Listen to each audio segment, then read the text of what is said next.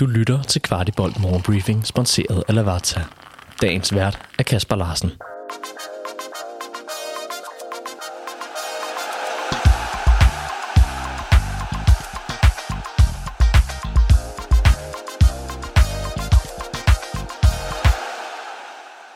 Det er tirsdag, det er endelig kampdag igen, og hvilken en af slagsen at lægge ud med i 2024. I aften kommer Manchester City på besøg i UEFA Champions League 8. delsfinalen, når parken danner rammen om en af de største kampe i klubbens historie kl. 21. Velkommen til morgenbriefing her den 13. februar. Kvartibold har lavet en særskilt optag til aftens opgør, hvor vi både ser på Manchester City, har seneste nyt om kampen og meget mere. Den finder du i din foretrukne podcast-app. Men søndag var jeg en tur på tieren for at tale med Elias Jelert, Scott McKenna og Mohamed Younousi om deres forventninger til aftens opgør. Det var jeg i en mixzone efter en råkold og blæsende træning, den første efter hjemkomsten fra det noget lunere Portugal. Vi spurgte Elias om det at være en del af en bakkæde, der har haft lidt udfordringer med at holde nullet. Elias, du er også en del af en øh, bakkæde eller en forsvarskæde, der har haft lidt udfordringer. Hvordan øh, synes du, I står nu her øh, med de kampe, I også har spillet i Portugal? Vi havde jo en mod Elfsborg, hvor der bliver lukket for mange mål, ja, det er klart. Men øhm, den sidste her mod Molde så godt ud, og det var meget mere stabilt, så det var godt, at det var, det var den tættest på City-kampen, som var, som var mest stabil. Så ja, altså vi, vi har set solid ud defensivt i de europæiske kampe, så lad os håbe, det bliver ved. Hvad med dødboldene? Ja, men der er jo ikke andet for, at vi bare går ind og, og tager vores mand, og så er den ikke længere. Birger Meling har efterhånden været ukampdygtig et stykke tid, og Elias har været benyttet i begge sider. Derfor skulle vi da også lige høre, hvor han helst vil spille i aften. Elias, du har spillet meget både i højre og venstre, og vi har snakket om det før også, men øh, betyder det overhovedet noget for dig på tirsdag, hvor du skal spille? Øh, jeg har lyst til at sige nej. Øhm, selvfølgelig så vil jeg helst spille i højre, men øhm, altså, om det bliver højre eller venstre, det siger mig egentlig ikke det store. Bare jeg er på banen, så har jeg ikke noget mod det.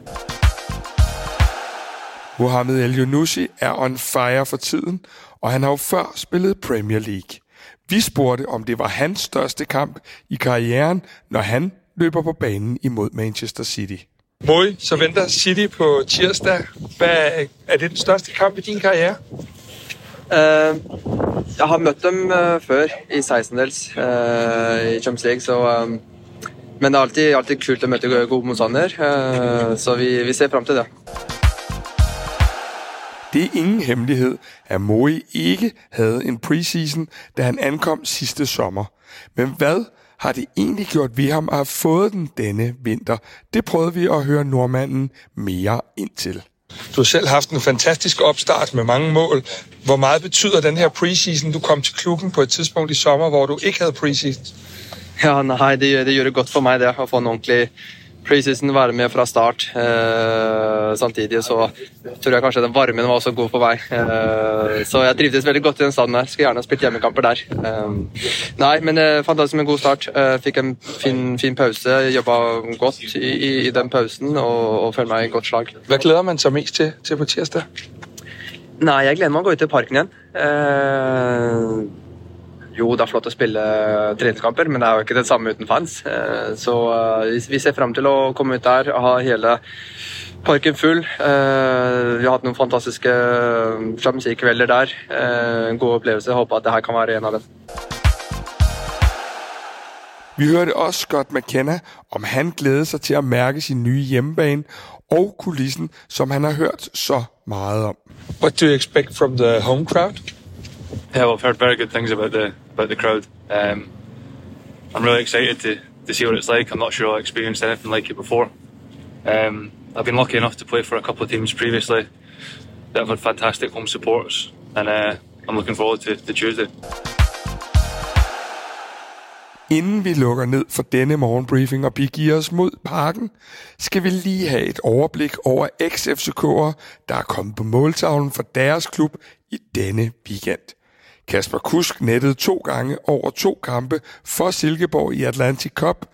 Vores tyske tidligere angriber Marvin Poirier gjorde det samme i regionalligaen, Og vi bliver i Tyskland, hvor Isak Bergmann Johannesson også nettede for Düsseldorf. To tidligere fandarlings, nemlig Pieters og Verbic, kom også på tavlen, imens Rasmus Højlund nettede for femte gang i træk for Manchester United. Han har virkelig fået gang i målscoringen i det engelske. Kære København, så er det nu rigtig, rigtig god kamp i aften. Vidste du, at Lavazza har deres egen webshop, hvor du kan købe alle deres forskellige kaffer og endda vælge det som abonnement? De har blandt andet også kaffer, som du ikke finder andre steder i Danmark, som deres Espresso Maestro, der er økologisk og Rainforest Alliance certificeret. Udover de mange lækre kaffer, så har du også mulighed for at vælge forskellige kaffemaskiner eller som en del af et abonnement. Shop løs på shop.lavazza.dk